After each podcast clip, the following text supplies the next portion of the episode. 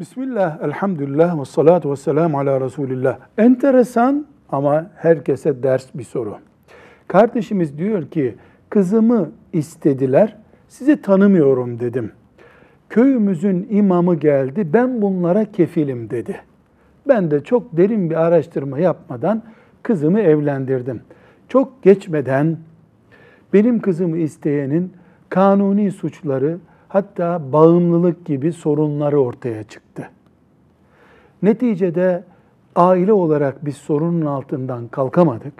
İmam Efendi'ye gittim dedim ki, kefil olduğunuz damadım sorunlu ve kötü bir adam çıktı. Siz kefildiniz, ne yapacaksınız dedim.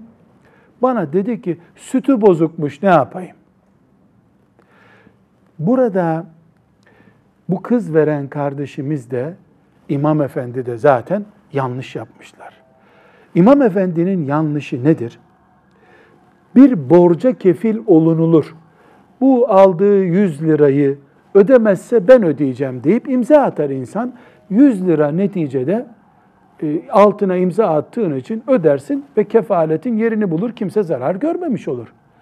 Bir insanın ahlakına, kimliğine kefil olunulmaz. E bu damat sakat çıkınca kefil olarak onun yerine mi geçeceksin? Ne, ne yapacaksın?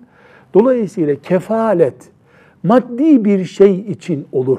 İnsanlık için, ahlak için, din için kefil olunulmaz. Mesela birisinin namazına ben kefilim denemez ki. Onun yerine mi namaz kılacaksın? Paraya kefalet olur. Kiraya kefalet olur. Takside kefalet olur. Ama insanın ahlakına kefalet verilmez. Dolayısıyla bu kızın babası da bu sözün bir hile olduğunu, baştan sağma olduğunu, imam hatır kıramamak için kırmayayım diye e, üstün körü bir kefalet yaptığını anlamalıydı.